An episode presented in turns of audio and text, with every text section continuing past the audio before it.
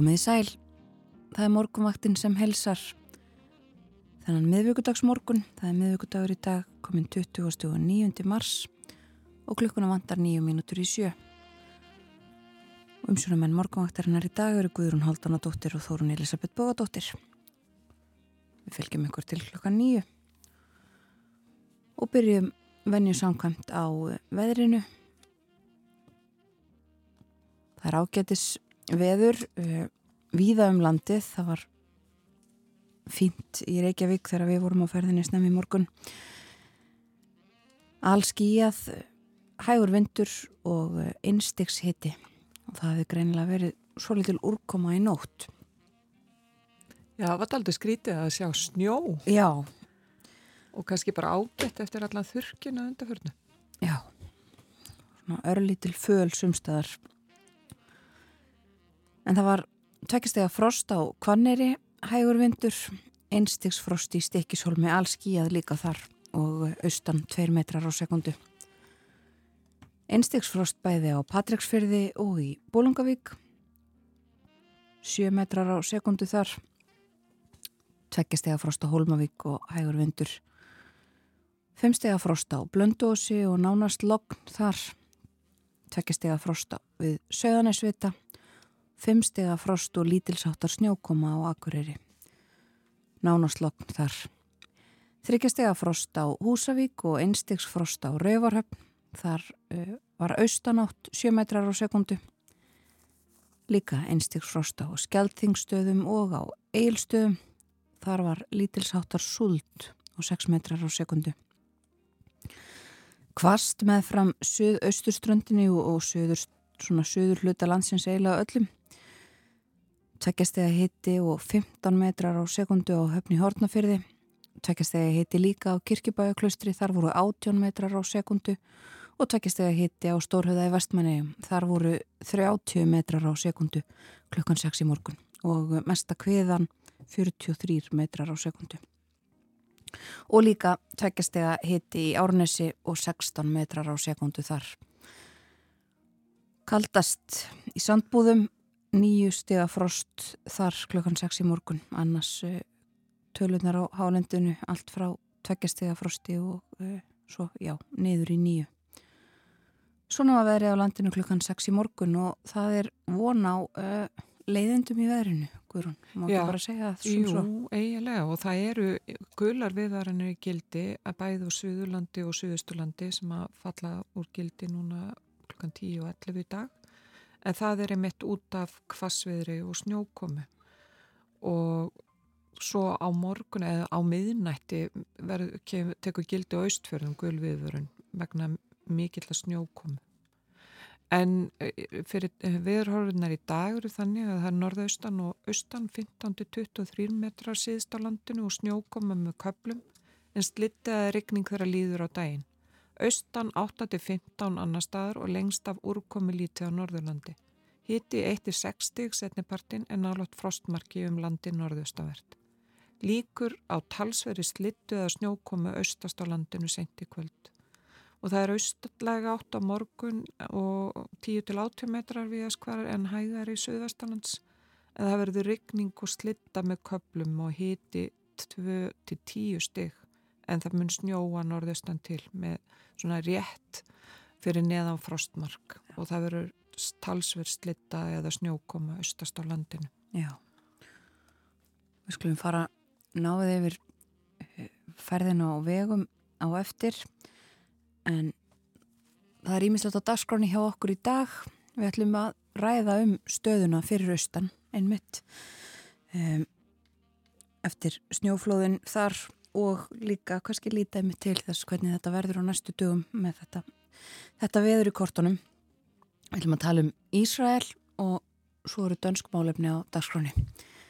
En við skulum byrja á að heyra lífotóna.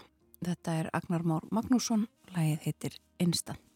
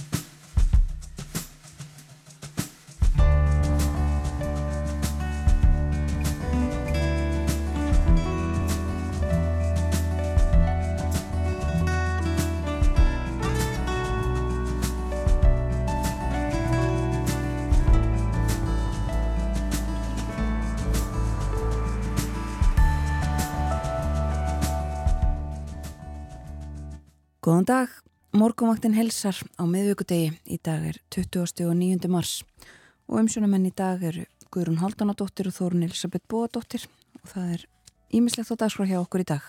Já, það hafa fallið mörg snjóflóðu austfjörum undarfarna daga og þau sína okkur sennilega hversu mikilvægar ofanflóða varnir eru fyrir byggð á Íslandi.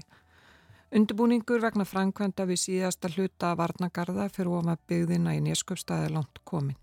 Kristín Marta Hákonadóttir, sérfræðingur í snjóflóðaverkfræði er fyrir austan og fer yfir stöðum ála þar með okkur upp klukkan halv átta.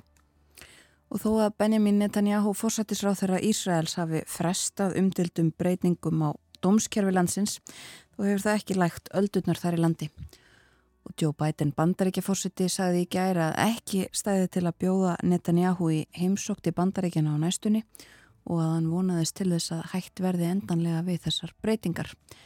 Óluf Ragnarstóttir frettamæður hefur fylst náið með stöðumála í Ísrael og hún kemur til okkar upp úr klukkan halv nýju og segir okkur frá.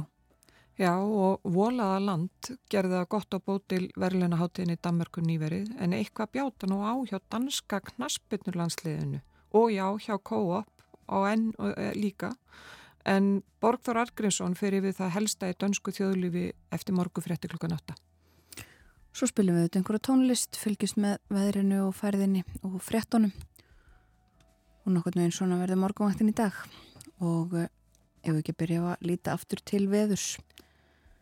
Það er norðaustan og austan átt uh, síðst á landinu 15 til 23 metrar á sekundu og snjókoma með köplum en slitta eða regning þegar að líður á daginn.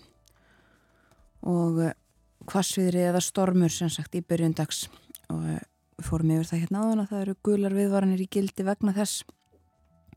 Það mun hlýna þegar að líður á daginn segir í hugleðingum viðfræðings þegar að hlýtt loft sækir til okkar söður úr höfum og breytist þá úrkoman í slittu eða regningu. Hægari vindur annar staðar á landinu og lengst af úrkomu lítið fyrir norðan. Í kvöld drefðu til tíðenda þegar að úrkoman ekst umtalsvert á austfjörðum og undir vatnajökli með austanátt og talsverðri slittu eða snjókomi. Á morgun heldur úrkomið þungin áfram og fram á förstu dag lítur út fyrir mjög mikla úrkomi á því svæði. Svo segir spár eru eilítið á reiki með hitastíð og þá hvort úrkoman breytist yfir í regningu á einhverjum tímapunkti. Fólk er kvart til að fylgjast vel með þróun spáa og útgáfu viðvarana og eh, já, það er þetta hvassveri sem að nú er og svo þetta sem er framöndan sem ég var að, að segja frá. En uh, það er uh, töluvertir það ekki um, um viðvaranir líka frá, frá vegagerðinni. Jú, það er semst vegurinn er lokaður á milli markafljóts og víkur og það er halka og halkublettir á nokkur leðum á Suðurlandi og það er líka loka á milli skaftafells og jökursáls lóns þannig að þetta er hérna bara smá kapli sem er op, uh, fær í rauninni frá Vík í Myrdal austur í Skaftafell. Og það er þæfingur á Tjörnis á Norðausturlandi, Hóla, Heiði og Rauvarhafnavi en annars er við að skvar hálkaða hálkublettir á snjór og stökulegum og það er ófært og hófaskarð á Norðausturlandi. Og Öksnadalsseðinu er, er, er snjóra fyrirgjöð og Öksnadalsseði en þungfært er í almenningum en annars er hálka og hálkubletti við á vegum á Norðurlandi. Og vestfjörðum er hálka, hálkublettir eða snjór en ófært norður í Árnesrepp og Já. þetta er bara svona víða, það er snjór á helliseiði og hálka og hálkubletti við á Suðurlandi og við sama á við um Vesturland. Þannig að fariði varlega Já. ef þið eru á ferð, ferðinni. Og það eru yngar uh, engar tilkynningar frá vegagerðinni varðandi Östurland en það er uh, þetta ímislegt uh, þar á segði, það er bara óþægt ástand segir á kortunum hjá, mm. hjá vegagerðinni fá væntalega einhverjar upplýsingar um það þegar að líður á morgunin Akkurat og skólahald fellur einmitt niður í leikurinn og tónskóla Já. í Neskustad og leikskólanum Dalborg að Dalbrödd Eskifyrði Eh, og aukvís er ekkit skólahaldi verkmyndaskóla Östurlands við tekka rýmingar enn í gildi eins og farið var yfir hér í fréttunum klukkan 7 Akkurat og eh, Norðfjörðagöng voru opnuð síðdeis í gær. Þá verið lóku síðan á sunnudag. Um, og uh, þannig að það var hægt að opna þar í gær. Það var þó að lóka öðrum vegum. Meðal annars tekið fram hér á VF Östursettara það við þurftum að loka veginu millir breytalsvíkur og fáskrúsfjörðar síðar síðan þessi ger en eh, já, sem fyrir segir við fylgjumst með þessu og uh, látum vita þegar að frettir berast. En lítum aðeins í blöðin já. íslensku blöðin. Já Það er hérna, morgublaðið er hérna með á forsíðinni mynd af hjónunum Kristófer Snæ Eilsenni og Önnubjörg Rúnastóttur fjálstæð sem að búa í fjölbilshúsinu þessi snjóflóði fjall á mánudag og þau segja þetta náttúrulega eðlilega áfall og þegar þau voru heima á samt börnu sínu þreymur þegar flóði fjall. Ég svaf eigilega ekkert, ég sá snjóflóðu koma inn þegar ég stóð inn í stofu, segir Anna Björg og en eldri dótti þar að hjóna grófstundi flóðinu og þurfti Kristófer að grafa hannu upp úr snjónum. Og það er svo rætt ítalega við þau á MBL í dag. En á baksíðu morgublasins er áhugaverð frétt. Það er verið að ræða við nýjan lækni í Ólafsvík. Það er komin er læknir í Snæfellsbæ og fólki þar borgið í byli, segir í fréttinni en eins og hefur verið greint frá í morgublaðinu þá hefur engin lækni verið starfandi þar um hríð og ástand því viðsjá, viðsjárvert og öryggi íbúið oknað, sagði bæjastjórin í Snæfellsbæ sem kallaði eftir aðgjörum í morgublaðinu í desember. En það var um rétt fyrir jól sem Aron pa Palo Palomares læknir kom á vaktin að vestra hvar fjölskyldan er sest að í byli að minnstakosti. Eiginkona Arons er Una Sólei Pálsdóttir, hjúkunafræðingur og börnin eru tvö, bæð á leikskólaaldri. Hver erfitt var að koma þeim að á leikskóla á höfubarkasæðinu áttu stóran þátti því að fjölskyldan flutti vestur, þar sem Una og rætur.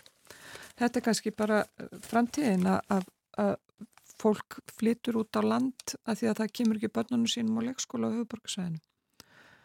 En frettablaði er svo með á forsíðunni mynd af skemmtifærðarskipi og númer eitt í rauðni en það er fyrsta skemmtifærðarskipið laðist að Bryggju við Skarfa bakka í Reykjavík í gær og þetta er sem sagt fyrsta skemmtifærðarskipi sem kemur til Íslands á þessu ári. En það er alls búistu 269 skemmtifærðarskipum til Reykjavíkur árinu. Já. Þannig að og einmitt tala áfram hér að fórsíðu fréttablasins um umferðarþjónustuna og að útlætingar séu sannilega í sumar verði þriðjungu starfsmanna eh, frá útlöndum í ferð, íslenskir ferðarþjónustu og rætt hér við Jóhannes Þór Skúlason, frangatastjóri samtaka ferðarþjónustunar. Já. Einmitt það. Við skulum kíkja át í heim eftir smá stund en eigum við fyrst að lusta á lag. Já, er það ekki bara vel við hæfi? Að hlýða hér á No One Knows með Sigurði Flósasinni á Copenhagen kvartett.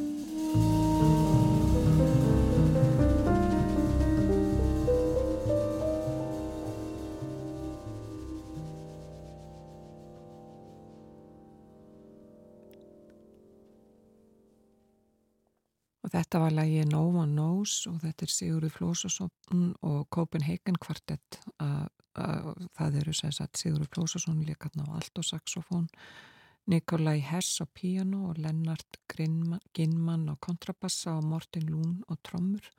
En platan er í 11th hour og kom úr 2014 ansið ljúft svona að modni til er maður, flestir eru af svona fyrsta kaffibóllanu sennilega. Einmitt. en þú ert búin að vera að kíkja út í heim Þórun Elisabeth Já, það er auðvitað ímislegt um að vera uh, töluvert fjallað áfram um stöðumála í Ísrael. Joe Biden bandar ekki fórseti uh, saðist í gær vonast til þess að um, Netanyahu fórsetir á þeirra Ísraels hætti alfarið við Eh, breytingar áformaðar á, á dómskerfinu í landinu. Þessu hefur Netanyahu nú hafnað en eh, við ætlum að ræða um stöðumála og stöðu stjórnmálana líka í Ísrael hér á eftir þegar að Óluf Ragnarstóttir frettamæður verði með okkur. Hún kemur til okkar klokkan halv nýju. Svo við ræðum nánar um þessi mál þá. Um, svo er það auðvitað áfram uh, umfjallanir í erletum fjölmjölum um uh, skotarásina í Nassvill og sagt frá því uh, núna í fjölmjölum að, að árásar maðurinn hafi hún hafi sapnað að sér vopnum löglega, sangað að sér og, og átt fullt af vopnum sömulegis greint frá því að fóreldrarinnar hafi falið einhver þessara vopna um, og svo eru þetta frettir eins og við heyrðum í morgun í frettunum og heyrum líklega af áfram.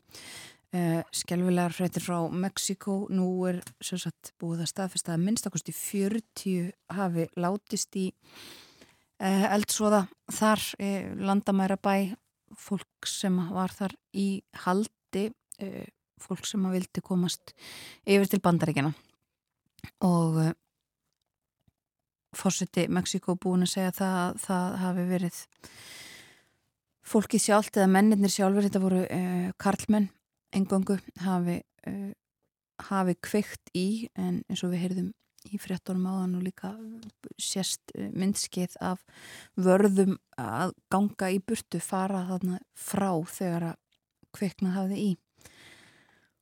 Og þessu kannski tengt en ekki beint þá eru margar forsiður á bresku bladana eh, með umfjallanir um einmitt eh, málefni fólks á flóta eh, á forsiðunum sínum og segja frá áformum stjórnvalda í Breitlandi um það að flytja fólk frá hótelum og öðrum stöðum þar sem núna er, það er nú hýst yfir á uh, yfirgefnar herstöðvar og einhvers konar svona uh, stór skip og uh, svona pramma einhvers konar þar sem hægt verði að koma fyrir mörg hundru manns. Og einmitt tekið fram hér í frétt Times að það sé óljóst hvernig stjórnvöld ætli að tryggja öryggi fólks sem að væri í svona svona aðstæðum. En þetta er sem sagt að, að til þess að letja fólk frá því að koma til Breitlands og uh, svo eru breskublöðin sum líka með umfjallanir frá Fraklandi og það eru þetta líka í uh, framann á frönsku blöðunum staðan þar. Við rættum þetta aðeins í gær Guðrún, uh, og við, það að það væri uh, væru mótmæli áformið og það var mótmælt í gæra voru heldur færri er það ekki heldur jú, en jú. í síðast? Þegar það var í síðustu viku þá, var, þá töluðu stjórnvöldum eða það er svona og sangat óbefuru tölum að þá hafi við alltaf sko á fymdægin tekið þátt um ein miljón en núna hafi þetta verið svona 750.000 manns.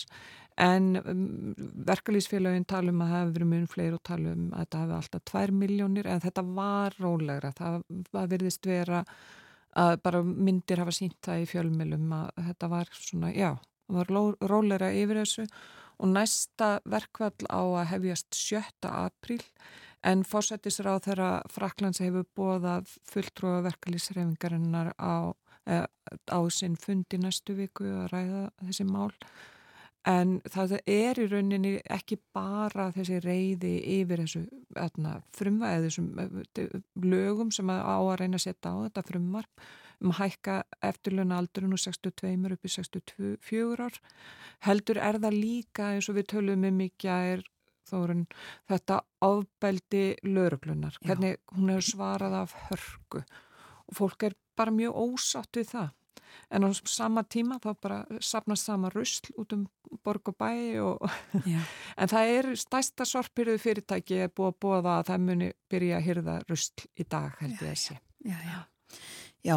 Og uh, fjallaðum þetta og þessi mál víða. En uh, ef að heyra eitt franslag áður en við hleypum frettastofinni að með yfirleitt morgunfretta Já, það er ekki fínt að heyra sjakkbrell bara? Það er alltaf, alltaf fínt. Heyrum,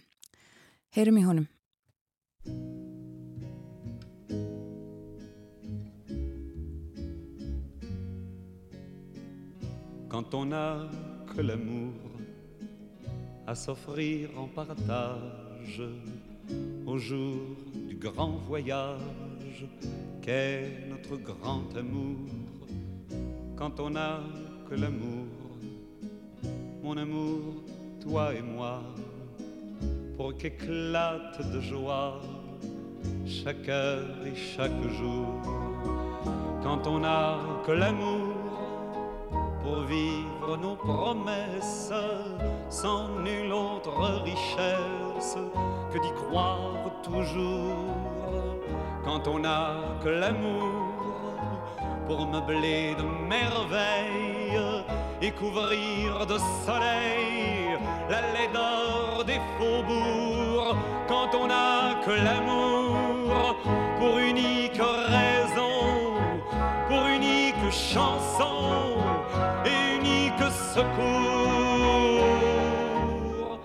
Quand on n'a que l'amour pour habiller matin pauvres et malandrins de manteaux de velours. Quand on n'a que l'amour à offrir en prière pour les maux de la terre en simple troubadour. Quand on n'a que l'amour à offrir à ceux-là dont l'unique combat est de chercher le jour. Quand on n'a que l'amour pour tracer un chemin et forcer le destin à chaque carrefour. Quand on n'a que l'amour pour parler au canon et rien qu'une chanson pour convaincre un tambour. Alors sans avoir rien que la force d'aimer, nous aurons dans nos mains, amis, le monde entier.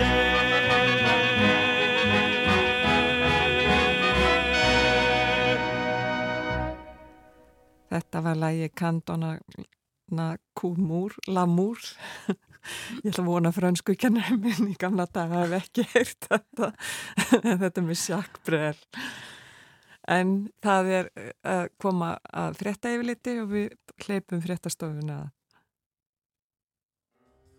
að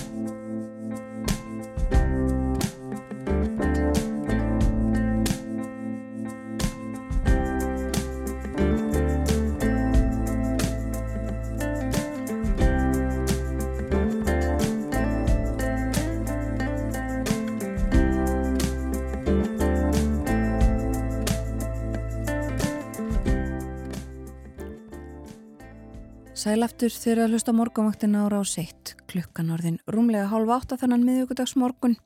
Það er 2009. mars í dag. Mars alveg að klárast.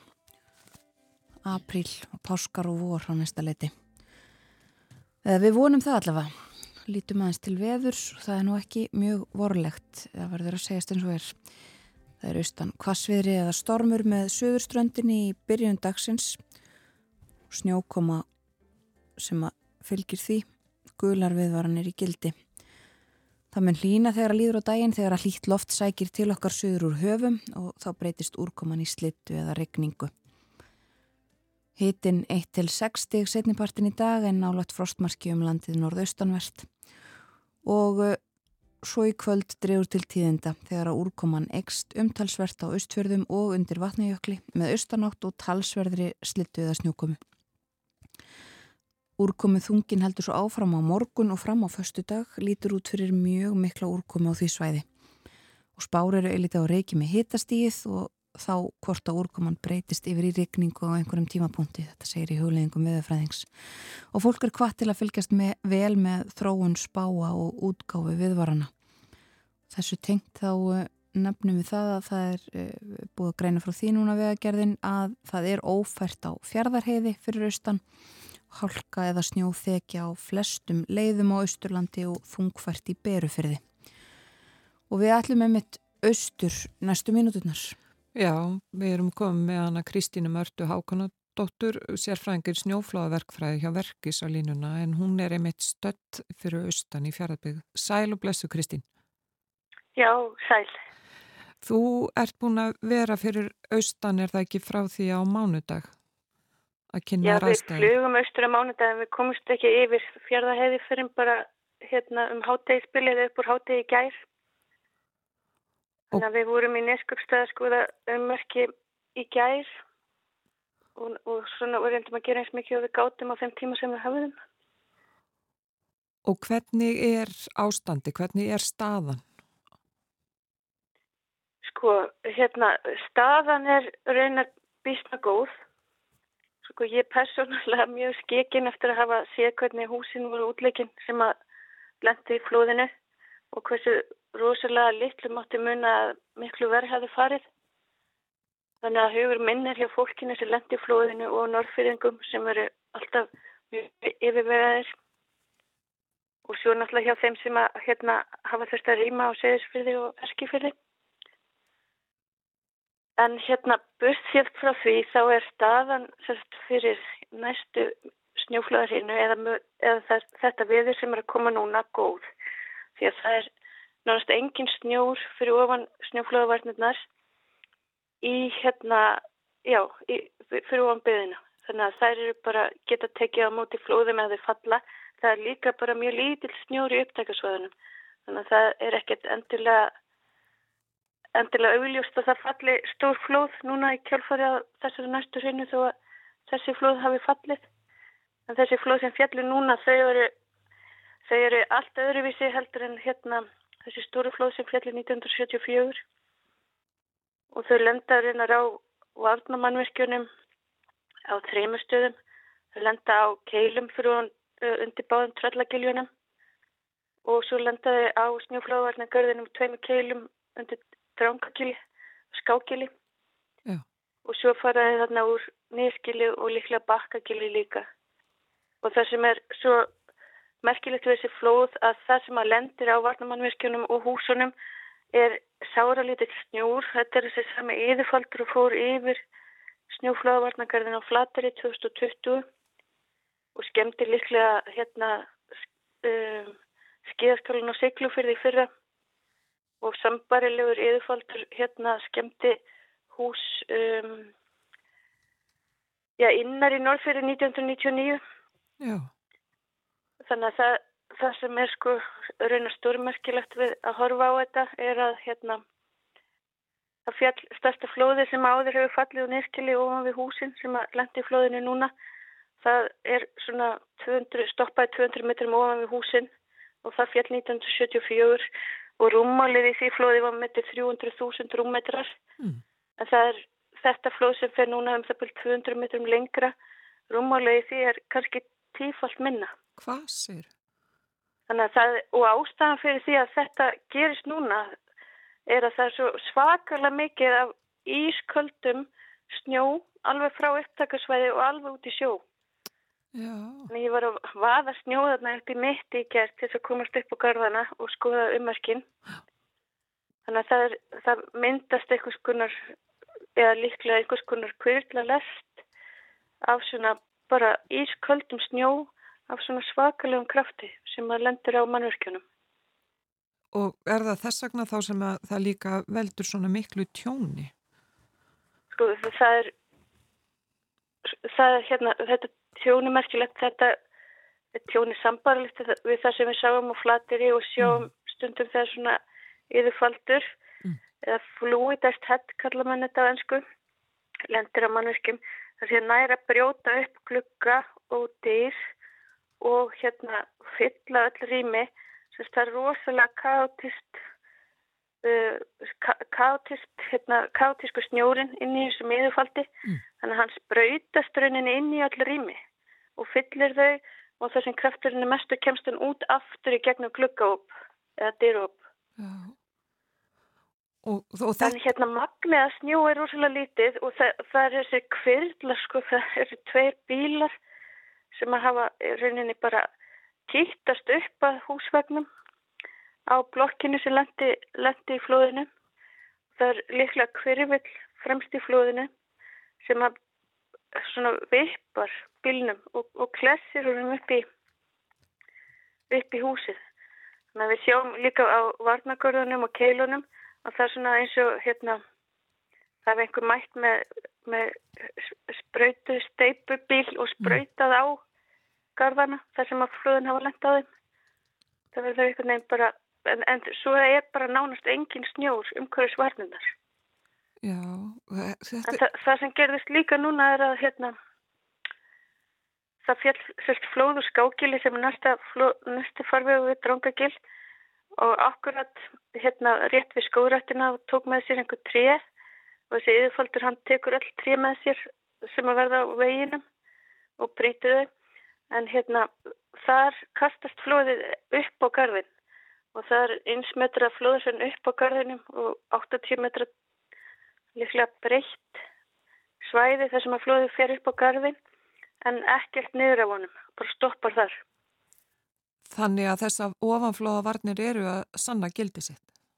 Þessar ofanflóðavarnir eru að sanna gildi sitt þannig að sérst eftir að hafa skoðað þetta ekki þá, þá líður mér betur, miklu betur vegna þess að við höfum verið að endurbæta hönnun á vörnum fyrir ofan flateri út af svona yðurfaldi. Mm og það sem við leggjum til þar er að setja ræðir að keilum ofan við leiðigarinn og akkurat núna fyrir hún tröllagil þá sjáum við mjög glögt hvernig það virka og það virka vel gagvart þessum yfirfaldi. Þess það hefur hérna, þeir taka allt höggið úr yfirfaldinum og svo sest snjórin bara hérna vinsamlega fyrir framann þvergarðin. Já, fer aldrei niður. Já, já, og það var bara, það fór upp á þverkarinn þar sem ekki voru keilur fyrir. Já, og þið eruð að undibúa framkvæmdur við síðasta hluta ofan flóðavarnagarða fyrir ofan byggðina, er það ekki? Já, jú, það er í svokallari, eða það verða ljúka svokallari verkhannun, það er hjartækni hannun á gorðunum, snjótækni hannun henni lauk 2015 og hérna næsta steg er, er, er útbóðurinnar á framkvöndinni mm.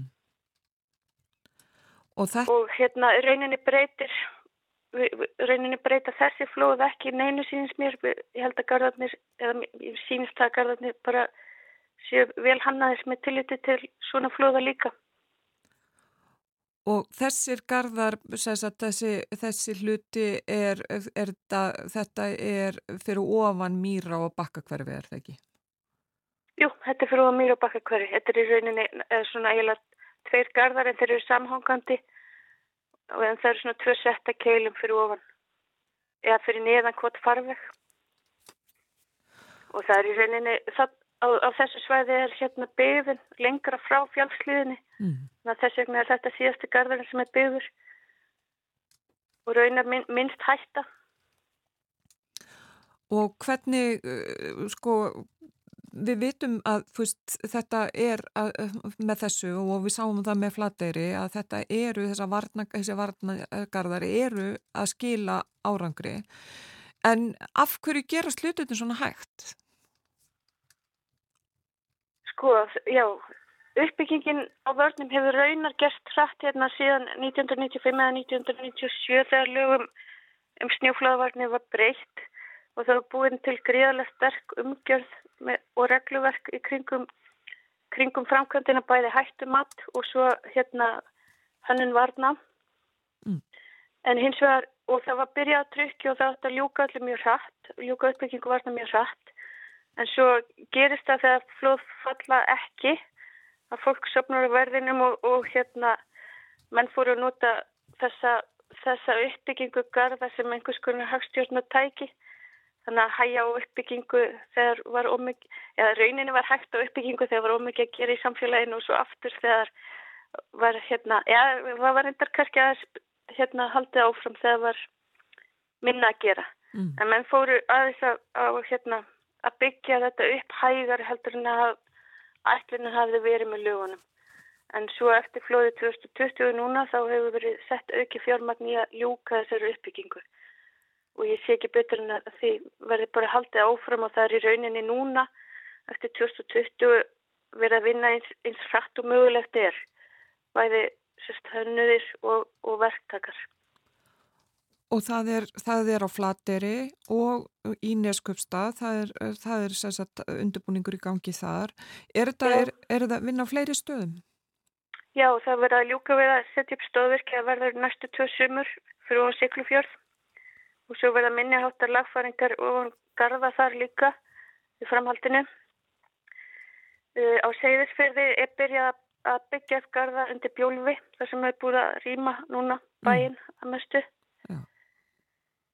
Uh, í, á Patræksferði þá eru menna ljúka við uppbyggingu garða fyrir án hafnarsvæðis og það verður farið fljótt í að byggja eftir garða undir stekkakili þar sem kreppaflóði fjall núna fyrir bara í vetur. Mm. Þannig að það eru framkvæm... Þetta eru að þessi í mannist, já það já. eru alltaf í gangi sérst uppbygging líka já. á kreppaflóðavörnum á Eskifyrði. Þannig að það er aðeins annars konar mannverki þar meira svona leiði vekkir sem að leiða kreppaflóðin niður með áfarvegunum út í sjó.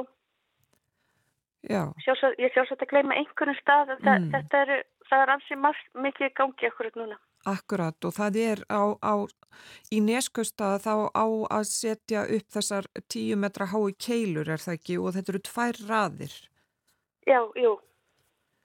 Þá, það eru reyna, já það eru reyna, við sjáum það líka núna að hérna það hefur verið vandað greiðala til hannunar frá upphafi eftir, eftir þarna 1997 og þetta eru reyninni Já, það voru fengnir þegar gardarnir undir dróngakili voru byggðið, það voru fyrstu gardarnir sem voru resti fyrir ofan byggðin í Neskjöpstað.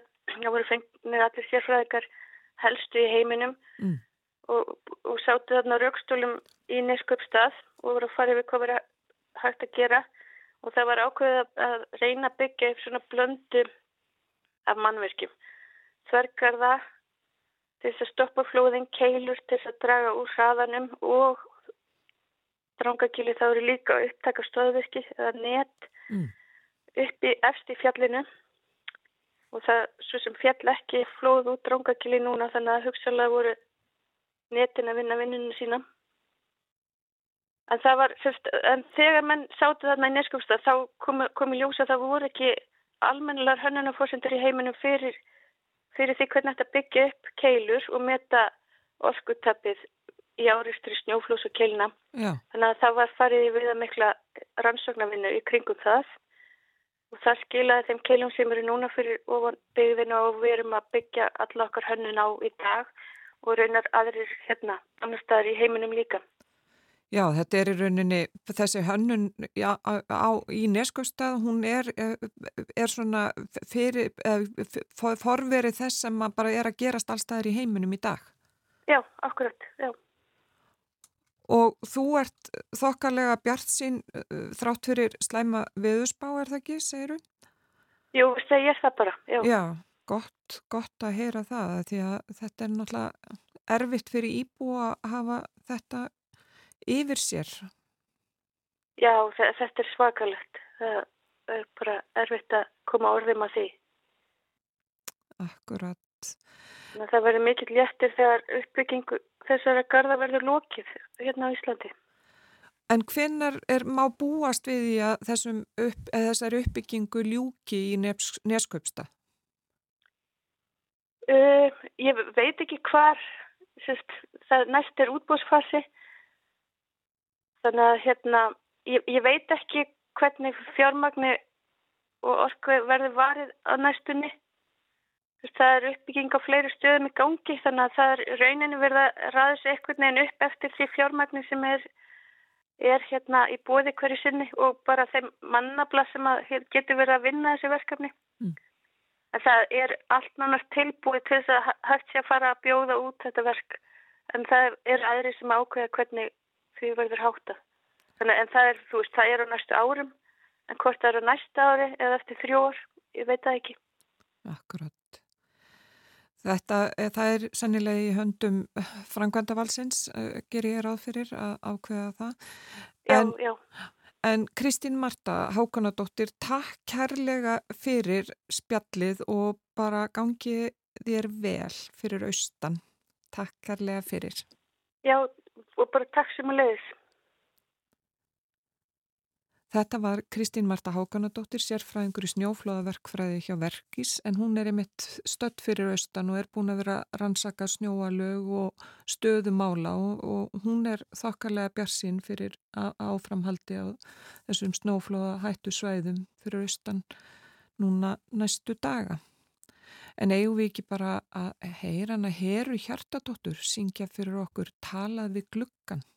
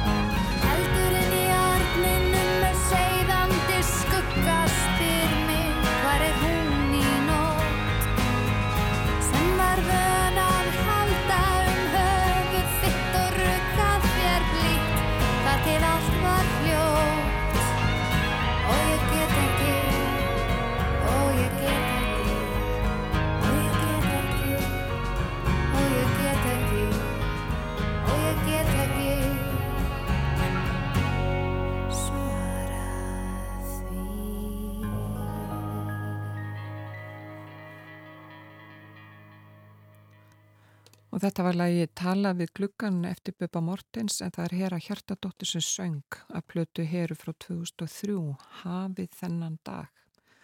En hún var á línunni, í símanum hún Kristín Marta Hákonadóttir sérfræðingur í snjóflóðaverkfræði hjá Verkis hjá okkur Þórunni Elisabethu nú hér rétt áðan. Og við vorum að ræða um snjóflóðavarnagarðana fyrir austan en lauruglan á Östurlandi emitt uh, bendir á að þrátt fyrir að það sé búið að aflétta rýmingu á, á, á, á nokkur stöðum semst á segðisfyrir og í Neskjöpstað en þá megi alveg búast við því að það geti komið til rýmingar að nýju en það fer náttúrulega bara allt eftir því hvernig veðri verður að því að þetta er svona endaldi óljóst. Og mér fannst nú bara Kristín vera bara þokkarlega björnsín Já, gott að heyra það. Um, og sagði líka að það væri e, bara erfitt að koma því orð e, að hvernig það væri að, að sjá sjá þetta með eigin augum sjá það hvernig, e, hvernig þessi hús eru útleikin Já. og hvaða munaði ofbúslega litlu sá hann að það hefði farið miklu verð. Akkurat, þetta voru svakalega myndir sem við sáum í sjónvarsfréttum með mitt í gerðkvöldi. En við förum að leipa fréttastofunni að. Það eru fréttir eftir 5 minútur rúmar, morgun fréttir og þegar þeim verður lokið þá voru sestur hérna hjá okkur Borgþór Artgrímsson við ætlum að færa okkur yfir til Danmerkur.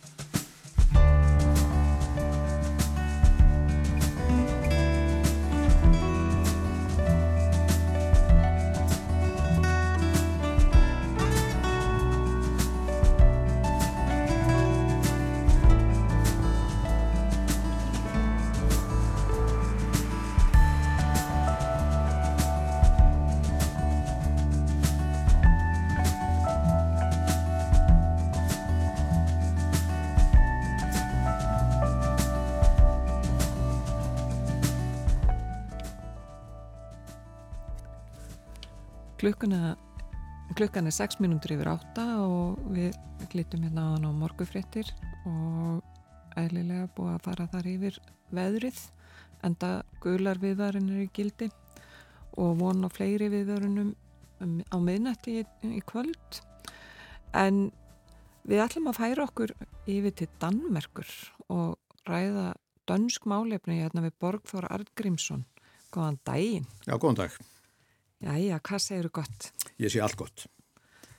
Er ekki rétt að við byrjum á fréttunum svona uh, menningarfréttunum? Við uh, fengum fréttir af því að Íslandingum hefur gengið ágætla á uh, bótilverlunaháttíðinni sem fór fram, hvað var það um liðna helgi? Já, ég held að það sé nú alveg rétt á síðasta lögadag, síðast liðan lögadag. Ég held að það sé nú alveg við hæfið að byrja, byrja á því. Ég, sko bótilháttíðin er önnur tveggja svona uppskjöru hátíða danskra kvikmyndagerðar sko á liðnu ári. Það eru samtök kvikmyndagaggrinenda sem að standa þessu viðburði og, og valinu á vinningshöfunum og kvikmyndlins Pálmarssona Volaða land, hún kom mjög við sögu þarna, hún hlaut þrenn verlun. Elliot Crosset, Hossett Kró, hann fekk verlun sem besti kartleikarinn í aðalhutverki og yngvar E, besti leikarinn í aukarhutverki sem mér fannst reyndar ekki til að vera neitt auka hlutverk, það var eiginlega bara tvö aðar hlutverk fannst mér og Marja von Hausfolf, hún fekk verðlan fyrir bestu myndatökuna og sannarlega verið skulda held ég því að myndatökan er einstaklega eh, vel gerð. Um, þetta er auðvitað mjög ánægilegt fyrir hlinn og, og, og alla sem að, og öll sem stóðu að þessari mynd. Mm. Besta myndin var restin af lífið sem fjallar um fjölskyldu og söður í Ólandi og einhver átök þar, ég kann ekki að segja nána frá henni. Mm. Svo fekk Erik Klausen, hann fekk heiðusviðukenningu hátíðarinnar, við minnum nú aðeins á hann í, í lók þáttarins. Já, en sko þetta heita hvað bótilverlun, hvaðan kemur þetta nafn? Er þetta, og, og, og þú sagðir þetta er önnur tveggja svona hátíð, er þetta gömul verlun? Já, þetta, þau voru fyrst veitt 1948 og eru með eldstu svona slíkum verlunum í Evrópu.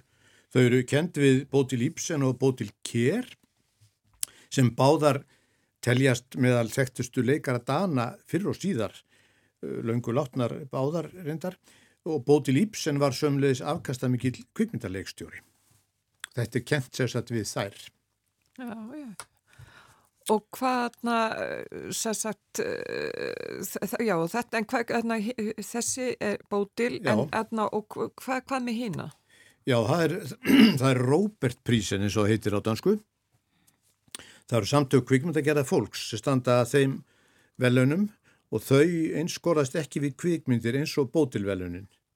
Og nafnið er nú bara að dreyja því að sá sem bjóti velunagripin hétt Róbert eitthvað og þeir vissi ekkert hvað er þetta að kalla þetta og köllu þetta bara Róbert prísin en hann, e, það er mikið yngra, það byrjaði fyrst 84 volaða land vann nú ekki til neittna verðluna í ár en það nú kannski rétt að geta þessa vetrarbræður sem að Linur Pálmarsson gerði hún fekk verðlun sem besta kvikmyndin hjá Róbert e, 2018 Já hann alltaf emitt, hann, hann hefur notið góð skengis með kvikmyndi sínar.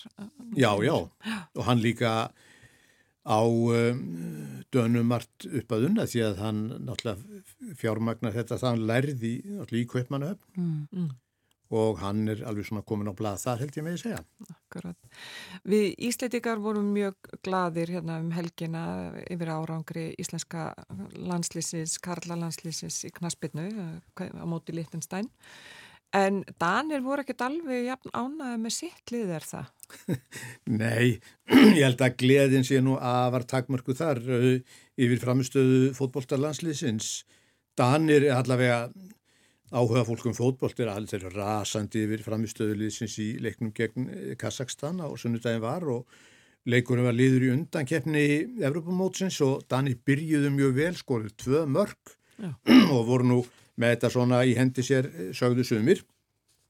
En í setni hálfleik var allur vindur einhvern veginn úr liðin og, og kassakarnir þeir skoruðu þrjúmörk og unnu leikin og þessi úslit hafa vakið aðtiklina langt út fyrir danska landsteina og, og Kasper Júlmann landslýstjálfveri sagði að þetta væri alveg óskiljanlegt og, og það er náttúrulega mennir það hissi upp um sig eins og hann sagði við verðum að býða og sjá hvað gerist en ég sá einmitt í morgun í, í dansku blöðunum að það stendur ekkert til að reka en að Kasper Júlmann eða neitt menn líti á þetta sem einhvers konar slís og, og það verður nú bara einhvern veginn að bregðast við því eins og sattir. Já. Danir eru mik mikil, mikil knaspin og áhuga menn, er það ekki? Jú, jú, þeir eru það. Og handbólta, náttúrulega. Já, já, já. Það er ekki sama upp á teiningnum hjá danska handbóltalandsliðinu eða hvað? Nei, það má nú segja, sko, danska landsliðið, það hefur núna tryggt sér sæti á næstu fjórum stórmótum og beina leið inn á, inn á mótin þeir urðu í þriðja sæti á síðasta Evrópamóti og það tryggir þeim þáttökur rétt í, í lokakefninni á næsta ári. Svo er náttúrulega heimsmeistaramóti þeir eru heimsmeistarar og fara þessuna beint inn í aðalkefnina 2025 og svo fer danska landsliði sem heimsmeistara á olimpíuleikana í París á næsta ári og það er ekki neinar umspils áhyggjur þar. Og svo verða þeir gestgjafar Evrópumótsins 2026 á samt Nóri og Svíþjóð og þannig fá þeir sjálfkrafa þáttökur rétt í alkeppninni. Þannig að, að þeir hérna geta tekið að rólega þessu leiti. Já, já. þetta er aðtilsvert. Já, já, það er það og, og Danir hafa náttúrulega lengi verið í, í fremstu röð handnallisliða í heiminum og, og hafa að manni sínist svona mikinn metnað í þeim efnum og stefna öruglega því að verða áfram í, í hópi þeirra bestu. Já, og þetta fullir það það? Já, ég held að sé alveg út að fullir það og Já. það er svona, það er verið svona, það er sátt um, um uh, núverandi þjálfara, það var þarna smá olga svona, það var öfundsíki held í fyrirverandi þjálfara þegar Guðmundur Guðmundsson var þarna, mm. -hmm. ég kann svo sem ekki að segja þá sögu en hann var eiginlega bara hrakin burtu eftir mjög frækilegan uh, árangu með líðið. Mm -hmm óskiljanlegt fannst mörgum Egu að færa okkur aðeins yfir í vestlunarekstur, það er, við, það var hérna morguvektin í fjallað fyrir vettur um yrmu vestlunar sem, að, sem sagt, eru í eigu kóap og að þeim er þið lokað. Mm -hmm. En hver, hvernig er staðan hjá kóap núna?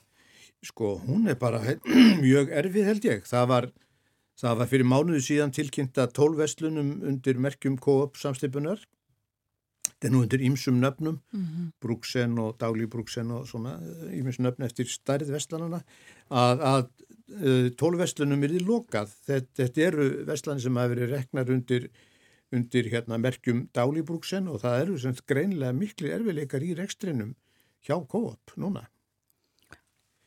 Og ástæðunar eru sko náttúrulega bara aukinn tilkostnaðar og samdráttur í viðskiptunum. Það virðist eins og Coop hafi að einhverju leitu orðið undir í svona harðri samkeppni. Eh, Coop og, og Salling fyrirtækið sem á, þetta eru risarnir á, á, á danskum maturmarkaði, Vestlanindar selja reynda martanaði matur, búsahöld og fatnað og stærri Vestlanindar. Salling hefur gengið mjög vel og þeir eiga meðal annars Netto og Fötex og Bilgu og um, það gengur mjög vel hjá þeim og sömulegði sjá nýliðunum ef að svo mánu segja á, á dansku markaði Lidl sem er mm. uppalega sem er uppalega þýst og Rema 1000 sem er uppalega norst þeir er báðir að svona fær út kvíarnar í Danmark og gengur mjög vel Aldi hins vegar er búið að loka sínum búðum Já. þeir eru búin að vera lengi og svona láfuru láfuru vestlanir eins og það nú kallað. Mm -hmm. En hvað en veldur þessu misjafna gengi? Það er ekki gott að segja sko, það er bara, ég veit ekki alveg hvað það er, kann bara ekki segja það sko, en, en það er eitthvað svona sem hefur ekki einhvern veginn gengið upp hjá þeim. Þeir eru mm. náttúrulega verið með margar, mjög margar littlar vestlanir sem sjálfsagt hafa verið, já sjálfsagt eða líklega hafa verið reknað með tapi og það er svona margt einhvern veginn sem leggst, eh, á áraðnar í þessu, ef það svo má segja. Já. En þú nefndir, uh, Borgþór, svona nýleðan á markanum en, en Coop er gamalt fyrirtæki og búið já, að vera lengi á markanum. Já, já, það er, það er, það er gamalt fyrirtæki og það má reykja sögu þeirra til um, ásins 1896. Þetta er svona byggt svolítið á sömu hugmynd upphælega og, og kaupfjöluðin hérna hjá okkur á Íslandi. Það voru svona eh, félagsmenn áttu, áttu þetta eins og sagt var sko, menn gáttu orðið gest félagar í kóopinu, í svæðiskóopinu og, og, og það voru svona delta fundir og þeir halda einhverju leiti í þetta fyrirkomulega en þá. En þó að, þó að hérna, þó að maður sé félagi eða, eða í kóop þá er maður ekki minni en að ábyrð, það verður ekkert gengið að, að bankabókinni mann snitt og kóop færi nú um. Nei. Og það hafa verið seldari mitt og eru heldur seldar vöru frá kóop á Íslandi. Já, já, það er, það er svona arfleið frá þessum tengslum sambansins sáluga, ef að svo má segja. Því þeir voru í keftu mikið inn frá, frá danska kóop og sænska kóop líka. Þetta, hét, þetta danska hétt uppalega fellesforeiningin fór Danmarks brúksforeiningir og að kalla FDB alltaf. Já. og uh, fljótlega eftir stopnununa þarna fyrir þar síðustu aldamót þá fór fyrirtæki að setja marka en svona eigið vörumerki, sirkelkaffi sem margir þekkja nú og, og, og alls konar hluti aðra og um, áttu á tímabili vindlaverksmiðu og, og fleira og fleira. Og það er daldið að þessum kóapvörum eh, í búðum hér í netto búðanum hérna. En netto á Íslandi á ekkert skilt við danska netto. Nei. það er allt, allt annar handleikur Einmitt. Já, einmitt netto hér, þetta er náttúrulega gamla kea, er það ekki? Jú, og, jú. Samkaupi dag. Já, og, og, og kaupilögin, sko, þetta, þessi innkaupa miðstöð sem var á vegu sampassis, hún hefur einhverju leiti gengið yfir til íslenska netto. Akkurat, svona gengur þetta. Já, já. En ef við eh, örstuðt að nefna helsufar Margreðar Þóreldar drotningar, hún gegst undir aðgerð fyrir skamur, er það ekki? Jú, Danir, Danir og Íslandíkar líka hafa mikið áhuga fyrir helsufari drottningar og, og hún hefur verið í endurhæfingu síðan hún fór í aðgerð, mikla aðgerð á baki í februar en fyrir nokkurnu dögum var tilkynnt að hún myndi nú frá miðjum april sinna aftur ennbætti skildum, hún á ammæli 16. april og ég held að mig nú alveg reikna með því að hún síni sig þá á Sölunum á Amalíu borg eins og eh, venjan er. Mm -hmm. þá sapnast ætti mikill mannfjöldi saman á torkinu við höllina og mikið fána hafa á torkinu Já. alveg góð sem tíð hjá, hjá svona handfánasölum. Alveg þúsundir, þúsundir á ofan og verður öðruglega margt tork en hún verður semst 83 ára núna í april Já, Já, Danirni nota fánana í afmælum. Þeir nota hann mjög mikið Já. og ekki bara í afmælum, þeir nota hann bara við öll möguleg tækifæri og, og flagga fyrirtæki, flagga bara dagstaglega og, og þeir hafa leifi til að merkja danskar vörur, nota Já. sko fánan þar Já. og þar er, en það er einhverjar ákveðna reglu samt um það, þeir geta ekki sko ég get ekki eh, snúð honum einhvern veginn upp á rönd eða, eða ég kannu ekki að segja það en það eru svona ákveðna reglunum það en samt sko mjög rúmar. Já. og þetta notfæraði sér mjög mikið. Enda, enda þessi fáni náttúrulega bara hann er þekktur um, um allan heim og örgulega, örgulega þekktastur fána Norrlanda þjóðana ger ég ráð fyrir. Já, akkurat, allir það ekki. Ég hugsa það. Já Og kannski hefur þetta líka sitt að segja með það að þeir notan ansi mikið. Þeir notan ansi mikið og, og, og, og það er bara, já, já, já, já, og eru mjög stoltir af. Já, já. já. Flaggunum bæði bókstaflega og í öðrum já, skilningi. Já, já, og það er kannski eins og í mörgum öðru löndum að við svona sumarhús og þess að það er alltaf dönsk veifa sko, mhm. uppi. Já. Já. En það er nefnilega líka reglur en það að það má ekki flagga erlendum þjóðfánum í Danmörku. Nú? Nei. Af hverju? Það er, það skal, kann ég ekki að segja sko. Nei. Það er að vera að tala um þetta í kringum hérna sumarhúsin að eh, Tyrkir eða einhverju sem að búa í Danmörku, þeir vilja annan en það er bara algjörlega bannað. Já, þannig Ólafur Þóttun Harðar get ekki flaggað í Danmörku þjóðfánunum sem hann hann myndi flýta sér að flýta sér að taka niður fánan áður og löggan fyrir. Þetta, er... þetta þeir, þeir nota fána mjög mikið og eru mjög stoltir af honum. Já. Og eigum við að ljúka spjallinu í dag á danska læginu eins og hefur fyrir? Já, það er nú að, að þessu sinni er eftir Erik Klausen þennan sem fekk heiðus bótilinn um helgina Hann hefur nú komið við, við þessi kall, hann hefur, hann orðin fullorinn, hann er 80, 81 hvað, 81 eða tvekja, eitthvað slíkt. Já. Orðin heldur svona helsu veill, en hann hefur gert fjölmarkar kvikmyndir, sami lög, starfa sem myndlistamæður, hann er svona fjöllistamæður held ég með að segja. Hann vann nú lengi með félaga sínum uh, live Silvester Pettersson og lægið sem við heyrum núna sömdu þeir í saminningu. Já, hann, hann leki í hann leki hérna mitt um nattin Anna aðalutverki á móti Kim Larsen Klaus, uh, Erik Klausen þetta lag heitir Melkeböttin Túnfívillin á íslensku. Túnfívillin það er ágætt núna í snjónum. Já. Takk fyrir í dag Borgþór Artgrímsson Já, takk sem leiðis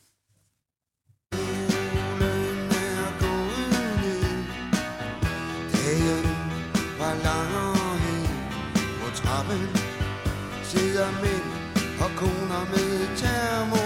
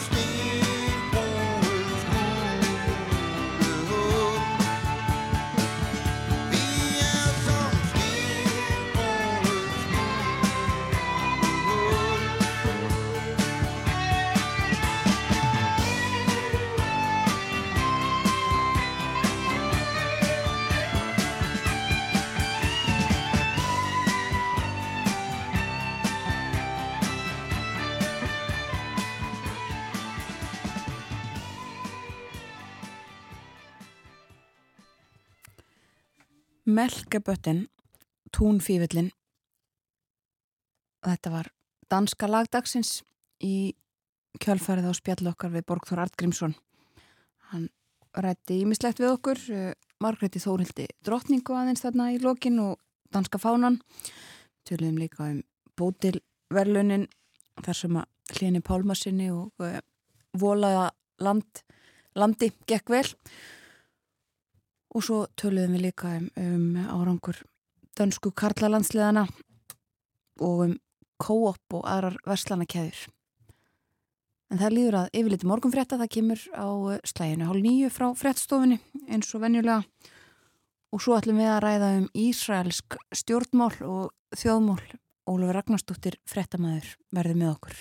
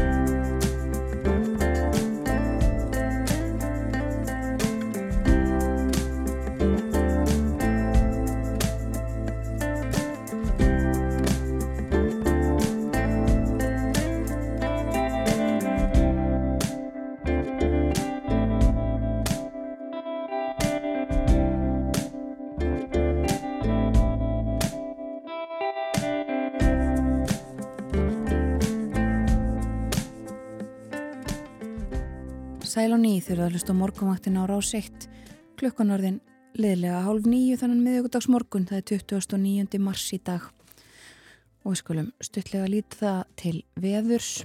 Það eru í gildi að hafa verið gular viðvaranir í frá því í gær. Það er bálkvast austan kvassviðri síðust á landinu og það má líka búast við hríðarveðri fram eftir morgunni segir uh, veðstofan það er alltaf 23 metrar á sekundu síðust á landinu. Og þegar að líður á daginn að þá þá uh, lægir og hlínar það uh, er slittaða regningi kortunum. Annars eru austan 8 til 15 metrar á sekundu annar staðar á landinu, lengst af úrkomi lítið á Norðurlandi og hitin 1 til 6 stig setnipartin en þó nálat frostmarki um landið norðaustanvert. Og í kvöld þá drefur til tíðenda eins og segir í hugleðingum veðufræðings. Þá ykst úrkoman töluvert á austfjörðum og undir vatnajökli með austanátt og talsverðri slittu eða snjókomi og úrkomið þungin heldur áfram á morgun og fram á förstu dag lítur út fyrir mjög mikla úrkomu á þessu svæði. En spár eru enn á reiki um hitastíð og þá hvort að úrkoman breytist yfir í rigningu á einhverjum tímapunkti. Fólk er hvað til þess að fylgjast vel með þróun spáa og útgáfi viðvarana, segir á við, viðstofunar. Og uh, við höfum líka verið að fjalla um uh, stöðuna fyrir austan eftir þessi snjóflóð sem þar fjallu fyrir vikunni. Var með okkur í símanum í morgun Kristín Marta Hákonadóttir, sérfræðingur í snjóflóða verkfræði hjá Verkis. Hún er fyrir austan og hefur skoðað aðstæður og það var nú þokkalega gott í henni hljóðið. Um, og uh, hún, svona, henni leist ekki of ítla á þessa stöðu. Hún nefnum það líka að það er lokað á fjardarheiði fyrir austan, ófært á Vaskarði Istra og verður ekki hægt að opna í dag. Það er hálkað að snjóþekja á flestum leiðum á Östurlandi, þæfingur í berufyrði og mynd á það að vondu veðri er spáð á svæðinu næstu tvo sólarhinga. En við rættum líka um dönsk málefni hér áðan og nú ætlum við að tala um Ísraelsk málefni. Eh, við höfum nefnt það, hér fyrir morgun að uh, svona stöðuna í Ísrael, við rættum þetta líka í gerðmorgun eftir að Benjamin Netanyahu fórsetir sá þeirra ákvaða fresta umdeldum breytingum á dómskerfi landsins. Við ætlum að ræða um stöðumála í Ísrael næstu mínútunar hingaði komin Ólaf Ragnarsdóttir, frettamæður á frettastofur úr, velkomin. Takk fyrir. Ef að byrja á því að fara aðeins yfir það í örfóm orðum Ólaf, sko, í hverju þessar breytingar á dómskerfinu felast, þessar mm -hmm. áformiðu breytingar? Já, sko, það sem að kannski er einna umdeildast er tvent, það er breytingar á skipan dómara í Ísrael sem að með þessum breytingum sem eru fyrir hugaðar verða pólitískari, stjórnvöld og, og stjórnaflokkanir fá meir, meira um það að segja hverjir verða dómar og annað er uh, hérna snýsta völdum eða heimild sem að hæstiréttur hefur í Ísrael til þess að uh, skipta sér af ef að húnum finnst þingið verið að setja lög sem bróta í báa við getum ekki satt stjórnarskrá því að er ekki stjórnarskrá í Ísrael það hefur bara einfallega ekki tekist að semjana en það eru nokkur svona uh, sem lög sem eru kölluð grunnlög og hæstiréttur getur grepið inn í ef húnum þykir stjórnveld vera að fara gegn þessum grunnlögum Já. og þetta finnst uh, Netanyahu og, og hans uh, fólki í ríkstjórninni þeim finnst hæstiréttur hafa of mikil völdi í Ísraelsku samfélagi.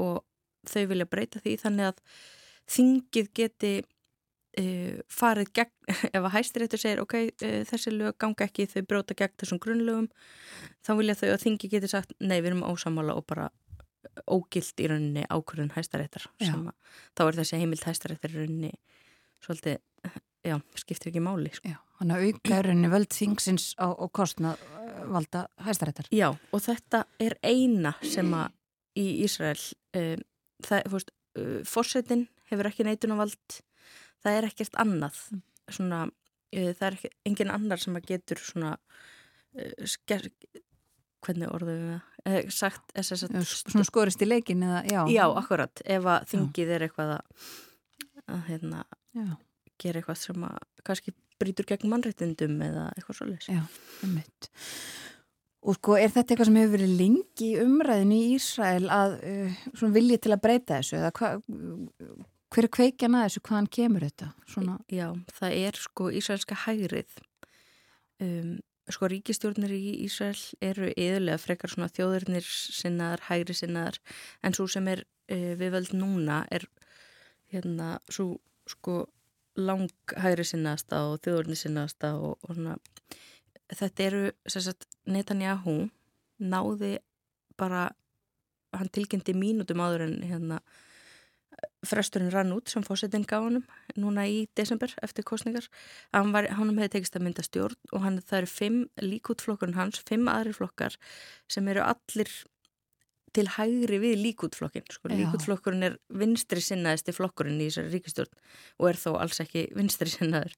Þannig að það kannski gefur smá uh, myndin um það hvernig stjórn þetta er þetta er svona mesta harlínu stjórn í sögu Ísraels eins og hún er oft kallið uh, og Ísraelska hægrið hefur vilja breyta þessu. Finnst eins og ég nefndi aðan hæstiréttur hafa ómikil völd og það er kannski aðlega þessi trúarlegu flokkar orðodox gýðingar eða svona strangtrúaði gýðingar það er þeir svona hafa kannski tilneyingu til að vilja setja einhver lög sem að bróti gegn mannréttindum annara til dæmis uh, hins einn fólks Já. og palestinumanna og Araba innan Ísæl og þeir náttúrulega þeir upplifa sig beitta óreittlega út af þessu að því að það sem að þeir hafa áhuga að gera það eitthvað neginn hæstir réttur bara kannski segja nei þeir geti ekki gert þetta þetta bríti gegn þessu grunnlugum og þannig að þeir settu sko það eru tveir allavega flokkar í þessari ríkistöð sem settu það sem skilir þið fyrir ríkistöðnarsamstarfi að þessar breytingar myndu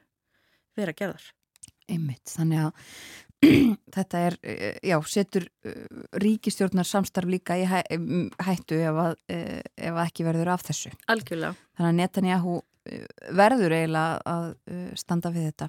Já, það er ennabla mjög sko forvittnilegt að fylgjast með í hvernig hann ætlar að snúa sér út úr þessu. Mm -hmm. Netanyahu sem er kallaður sko galdramæðurinn í stjórnmálum og hann hefur hinga til verið vinsalisti stjórnmálumæðurinn í Ísrael. Hann er mjög klóku stjórnmálumæður og þetta útspil núna e, að fresta þessum breytingum gefur honum tíma allavega til að hugsa næstu skref. Mm -hmm. og það eru sannlega hafnar viðræður, ég sá það ég held að veri í morgun bara fundur með stjórnarandstöðinu og fórsetanum um þetta, þetta mál sérst hvernig er þetta komið sér gegn. En svo spyrum maður sér líka sko hverju að fórna til þess að uh, það er sérstaklega einn maður sem er þjóðar uh, örgisráðherra minnum ég að hitillin sé Ben Guir heitir hann hann er mikill öfgamaður. Hann hefur verið dæmdur hreinlega fyrir sko rasisma. Já. og hann, við erum að tala um að það eru hérna, allavega tveir flokkar í þessar ríkistjórn sem eru eiginlega bara öfgahópar. Og þessi maður Ben Guir það var svona ísraelski miðlar voru búin að segja frá því að hann væri bara myndi aldrei samþekja þetta, hann ætlar ekki samþekja þetta en hann hefur vantilega fengið eitthvað fyrir sinn snúð til að samþykja þessa frestun. Já. Og það sem við erum að tala um núna er að hann fái að stopna svona sína einn hersveit sem verður á vestubakkanum eitthvað að, að hérna, hafa eftirlit með palestinumurum og það náttúrulega eh, hljómar ekkert sérlega vel í eirum margra því að hann hefur talað bara þannig að hann finnst allir palestinumenn verið hriðverkamenn, hann hefur á þinginu kallað kollega þar sem er Ísraeli en palestinskum uppruna hérna hriðverkamann og, svona, og einmitt þetta hefur bara reynilega verið dæmdur fyrir Já. sína orðræði Já.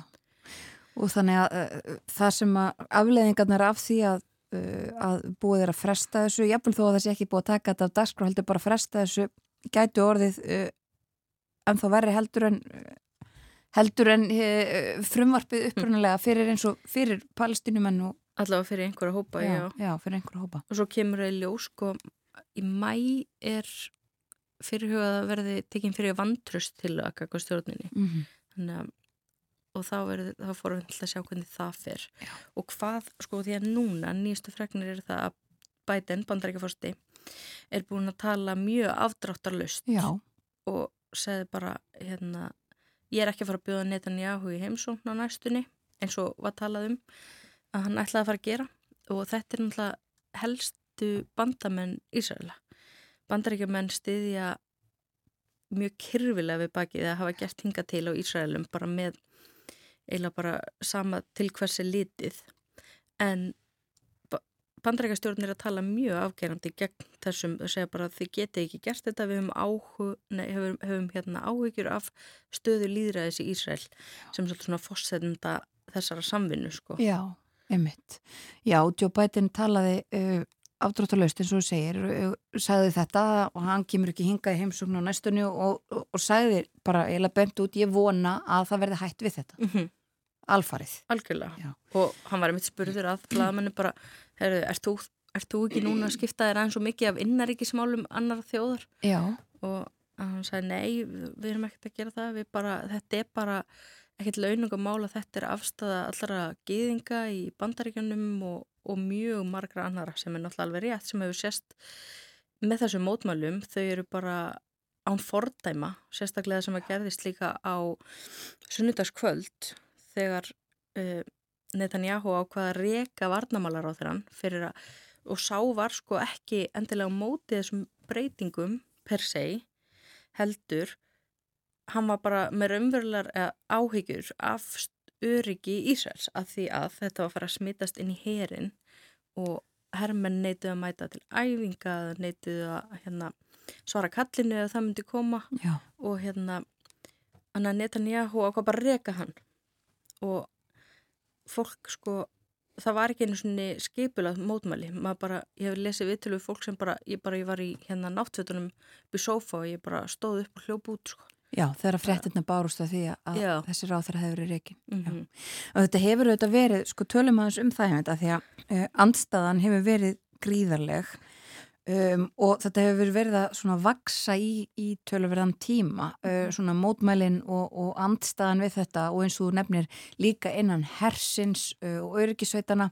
Um, er þetta ekki heldur óvinnulegt? Jú, það er það og bara í Ísrael mjög alvarlegt þegar þetta fyrir að hafa áhrif á því að snýst allt um öryggi Já. veist, þeir eru hann umkringdir óvinnum eins og þeir segja alltaf sem er enda kannski stórlega íkt í dag og var kannski meira áður en þú veist, ná búið semjum frið við ymsa þjóðir en vissulega með Íran hann og, og Hamas samtökin á Gaza sem þeir hérna, reyndar þurfa kannski ekki óttast yfirbyrðinir eru það miklir Já. en, en já, það og þetta einhvern veginn sko líka fyrrum yfirmaður í leini þjónst Ísraels er búin að segja bara hætt guðanabænum hættið við þetta mm. þetta er, þetta er tegið sig inn í einhvern veginn alla ánga samfélagsins Já. þetta er ekki bara einhverjur einn ákveðin hópur eitthvað þannig þetta er bara veist, lögmannafélagið í Ísrael veist, uh, pólitíski greinendur sem vanlega skipt hérna eru frekar hlutlausir eru bara, heru, þetta er ekki hægt sko. þeir Já. bara eh, staða líðræðisins er mjög krítisk ef þið setið þessa breytingar í gegn. Þannig að andstæðan er mjög mikil og, og þeir eru ekki hægt að mótmæla þótt að sé búið að fresta breytingunum. Já. það að því að þau sagt, eða allavega hluti mótmæla segja bara það er ekki nóg fyrir okkur þau þurfa að hætta við þetta. Veist, þau bara treysta Netanyahu ekki. Nei, einmitt. Og sko eins og nefnir, ég meina hann greinlega bara líka misreiknar þessa stöðu og, og uh, algjörlega og, og svo uh, svona já, uh, gerir allt alveg uh, kannski endanlega brjálað með þessum aðgjörum sínum um helgina að reka ráð þeirra og þetta. Hann misreiknar greinlega margt. Er hann uh, svona missa þetta þessa stöðu sína í ísraelskum stjórnmálum eins og nefndir að hann kallaði galdramaðurinn og hann er auðvitað, ég meina það er líka eitthvað sem við erum ekki vöna, ég meina það eru spillingar á mútumál og hann hefur verið með alls konar svoleiðs á bakinu og er það ekki líka ennþá, Jú, er ennþá hann í gangi algjörlega en er hann þá að svona missa, missa þessa, þessa yfirburða stöðu sínu? Ég myndi allavega spá því að þetta mál er til þess að hann missi þennan stall sem vinsalsti stjórnmálumæðin í Ísrael. Já. Það er annar svona sem er farin að taka framúrunum sem heitir Benny Gantz en þessi spillinga og mútumál hann, er, var, hann var ákjærður það er bara mál í ferli sem reyndar eftir að taka mörg mörg ár og verður kannski aldrei einhvern veginn skorið úrum Nei. en hann virðist samt og, sko, og þess, þetta vesen í ísænsku stjórnmálum hefur búið að vera fimm kostningar á fjórum árum eða eitthvað, ég maður rétt Akkurat. og það hverfist miklu leiti til um Netanyahu að því að það hafi verið stopnaða stjórnir sem að, hérna, þegar líkútflokkun hans er ennþá langstæstur en ekki nóg stór til þess að mynda einfaldan meir hluta og andstæðan við hann er orðin mikil innan annar flokka. Og það hafi verið stopnaða stjórnir til dæmis aðla bara og það eina sem þáttu sammeðilegt var að reyna að halda Netanyahu frá völdum. Þannig að alltaf springa þessar stjórnir að því að þeir eru ekki sammaleiðilega um neitt annað. Nei. þannig að þú veist Netanyahu er heila bara svona krabbamennið í þessu svona þegar við horfum á hérna Ísærisk stjórnmál. Já, innmitt. En sko, hann sýnir samt ekkit á sér neitt fararsnið. Nei, hann bara, ætla, hann er örgulega að hugsa næstu skref sko og eins og ég segi bara verður mjög forveitnilegt og áhört að sjá hvernig hann ætlar að, að reyna að snúa sér út úr þessu.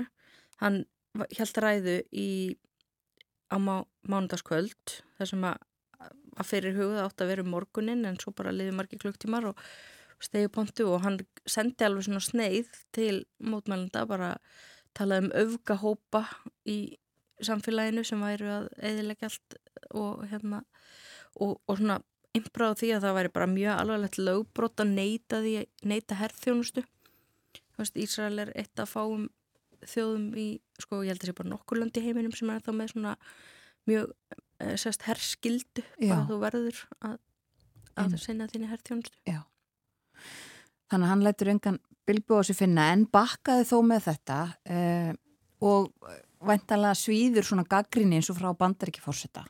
Já, það, sko, það er eitthvað sem að getur haft gríðarlega mikil áhrif. Þeir verða að hafa bandaríkjumenn að því að það er einhvern veginn svona um, þeirra allra mesta tromp sko að hafa þessa þjóð á bakvið sig að því að ég menna Ísraelar hafa, hafa stundað alls konar hafa getað til dæmis ef við tölum um hérna uh, landtökubiðnar sem eru mm -hmm. brota alþjóða lögum akkur gerist ekki neitt. Nú bandaríkjumenn eru með þeim í liði. Þú, veist, þú getur alveg brotið alþjóða lög ef að, þú veist með bandaríkina bakvið til dæmis. Einmitt.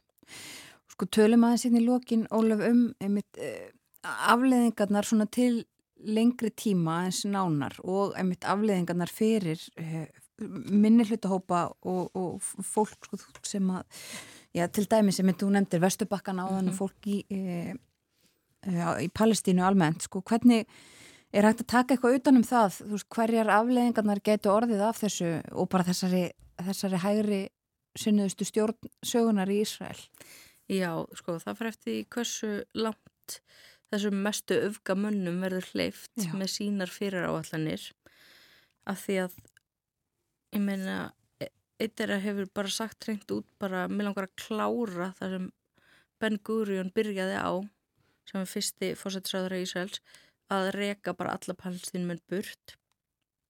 Um, þeir samþykja ekki eða eru ekki á þessari línu og það að vera tveggjaríka laust palestínum en eða fá sitt ríki. Mm -hmm. bara neyta því þeir vilja byggja fleiri landtökubiðir á landi palestínumanna og gera allar landtökubiðir löglegar að því að sko fjármálar á þannig til dæmis um, Smotrich heitir hann, hann er uh, býr í landtökubiði sem er ólögleg ekki bara gagvart alþjóðlögum heldur líka gagvart ísælskum lögum.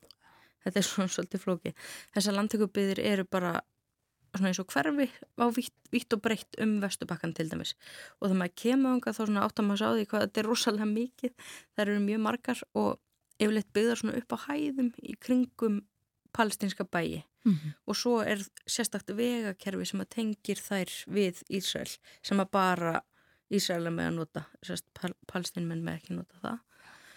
Og já það er svona alls konar svona sem að þeir hafa á stefniskráni en það er bara spurning hversu bandaríkastjórn til dæmis hefur sett sig al alveg upp á móti því líka að verði byggðar fleiri andagóbyðir það er bara spurning hversu langt þeir komast og hversu lengi í rauninni kannski bara þessi stjórn lifir Já kannski er hún ekkert að fara að lifa þetta mál af. Einmitt. Þá eru þetta alltaf spurningin hvað tekur við og eins og þú nefndir það er búið að vera mikil óróleiki í Ísraelskum stjórnmálum sem hverfist svolítið um Netanyahu mm -hmm. uh, og hann er að funda með stjórnaranstöðu og fórsetta. Við fylgjumstu þetta bara með því hvað kemur út úr því en, mm -hmm. uh, en mótmælinn halda áfram og anstæðan er ekkert í nefnir rénun Nei, Nei. verkvöldin sem að það voru við vorum komin að þann stað sko, það voru búið allsherja verkvöld Já. þeim var frestað eftir að þessum umdeldi breytingum var frestað en mótmælinn halda samt áfram Já, við fylgjumst áfram með þessu kæra þakki fyrir að koma til okkar á morgávaktan og segja okkur frá Ólfur Ragnarstóttir Frettamæður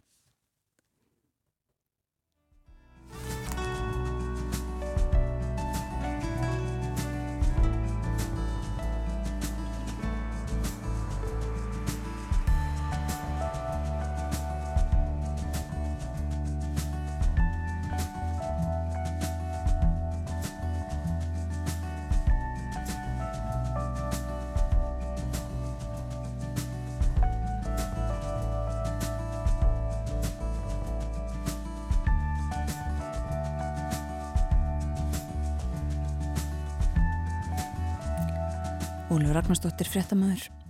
Haldinn á vaktina á fréttastofu Rúf en þessu fyrir að ljúka hjá okkur hér á morgunvaktinni. Við hefum verið hér frá því fyrir klukkan 7 morgun eins og venjulega alla virka daga.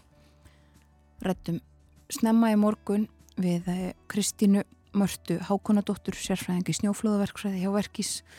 Hún er stödd fyrir austan og hefur verið að meta og skoða uh, snjóflóðin stöðu snjóa uh, og hún var þokkalega bjart sín og uh, sagði okkur frá stöðunni og rætti líka við okkur um ofanflóða varnir. Eins og við höfum heyrt þá að það er sannað gildi sitt í, í, í þessum atbyrðum eins og svo sem áður. Borgþór Artgrímsson var með okkur hann rætti um dönsk málefni og nú síðast var það Ólfur Ragnarstóttir fréttamaður sem að fór yfir stöðumála í Ísraelskum stjórnmálum. Rétt aðeins að íslenskum stjórnmálum. Það er þingfundur í dag hann hefst klukkan þrjú. 11 mál á dagskráfundarins og svo er gert ráð fyrir því uh, hefur verið greint frá því fjölmjölum að eftir lókun markaða þá verði kynnt uh, fjármála áætlun ríkistjórnarinnar kynnt hvað uh, stjórnvöld ætla sér að gera í til þess að eiga við stöðu efnaðsmála Við fylgjumst með því auðvitað hér á morgunvaktinni. Á morgun verður Bói Ágússon með okkur við ræðum ímislegt meðal annars áætlaða fjármála áætlunin og staða mála verði á dagskráni. En þessu lóki hjá okkur í dag. Þökkum samfélgina. Verðið sæl.